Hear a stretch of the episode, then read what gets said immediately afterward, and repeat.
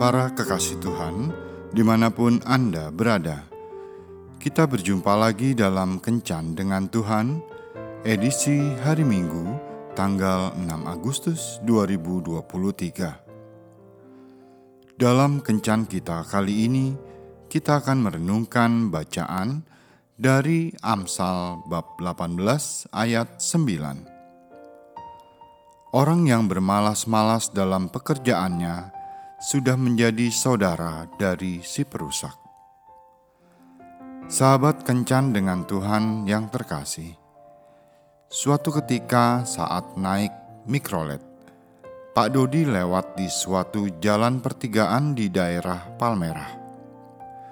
Begitu hendak melewati jalan tersebut, ada sebuah mikrolet dihentikan oleh seorang bapak tua yang kakinya pincang mengenakan tongkat. Mikrolet itu dihentikan sejenak supaya kendaraan yang dari jalan lain bisa lewat. Demikianlah dia di situ menjadi pengatur lalu lintas, sehingga semua kendaraan bisa lewat. Banyak orang yang berbaik hati kemudian memberi uang recehan sebagai tanda terima kasih kepadanya. Sungguh luar biasa, seorang bapak yang sudah tua dan cacat, tapi masih bersemangat untuk mencari sesuap nasi, walau hanya bekerja sebagai pengatur kendaraan di pertigaan jalan.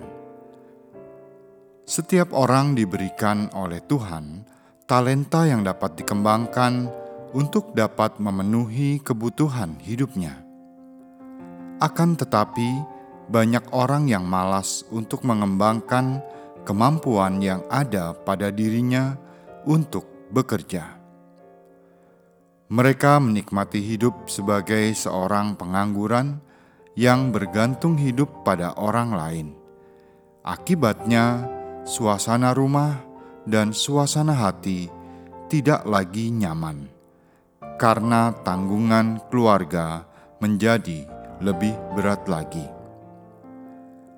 Rasul Paulus mengingatkan kita bahwa jika seorang tidak mau bekerja, janganlah ia makan.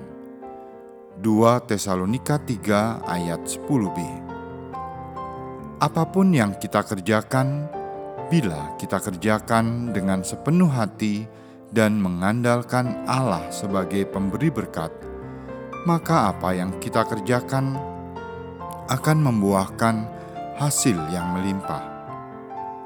Marilah kita undang Yesus masuk dalam hati kita, agar Dia berkuasa untuk mengusir semua kemalasan kita dan menggantinya dengan semangat untuk bekerja. Semua keluh kesah, gerutu, amarah, tidak akan menambah belas kasih Tuhan untuk memberkati usaha dan pekerjaan kita. Tetapi ucapan syukur akan mampu menggerakkan tangan Tuhan untuk memberkati kita dengan kelimpahan rejeki. Janganlah sekali-kali kita membatasi kuasa Tuhan dengan ketidakpercayaan dan keraguan kita bahwa Tuhan tidak bisa mengubah hidup kita. Tuhan bisa mengubah penderitaan menjadi kemuliaan kalau ada kemauan dan ketekunan bekerja dalam diri kita. Tuhan Yesus memberkati. Marilah berdoa. Tuhan Yesus, aku berterima kasih karena Engkau telah memberi kemampuan kepadaku melalui akal budiku untuk berpikir dan melalui talentaku untuk memenuhi kebutuhan hidupku.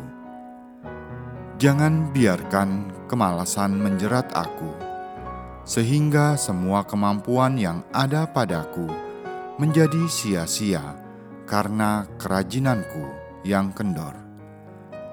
Penuhilah aku dengan semangatmu sehingga apa pun yang aku kerjakan dapat menghasilkan berkat yang berkelimpahan dalam hidupku.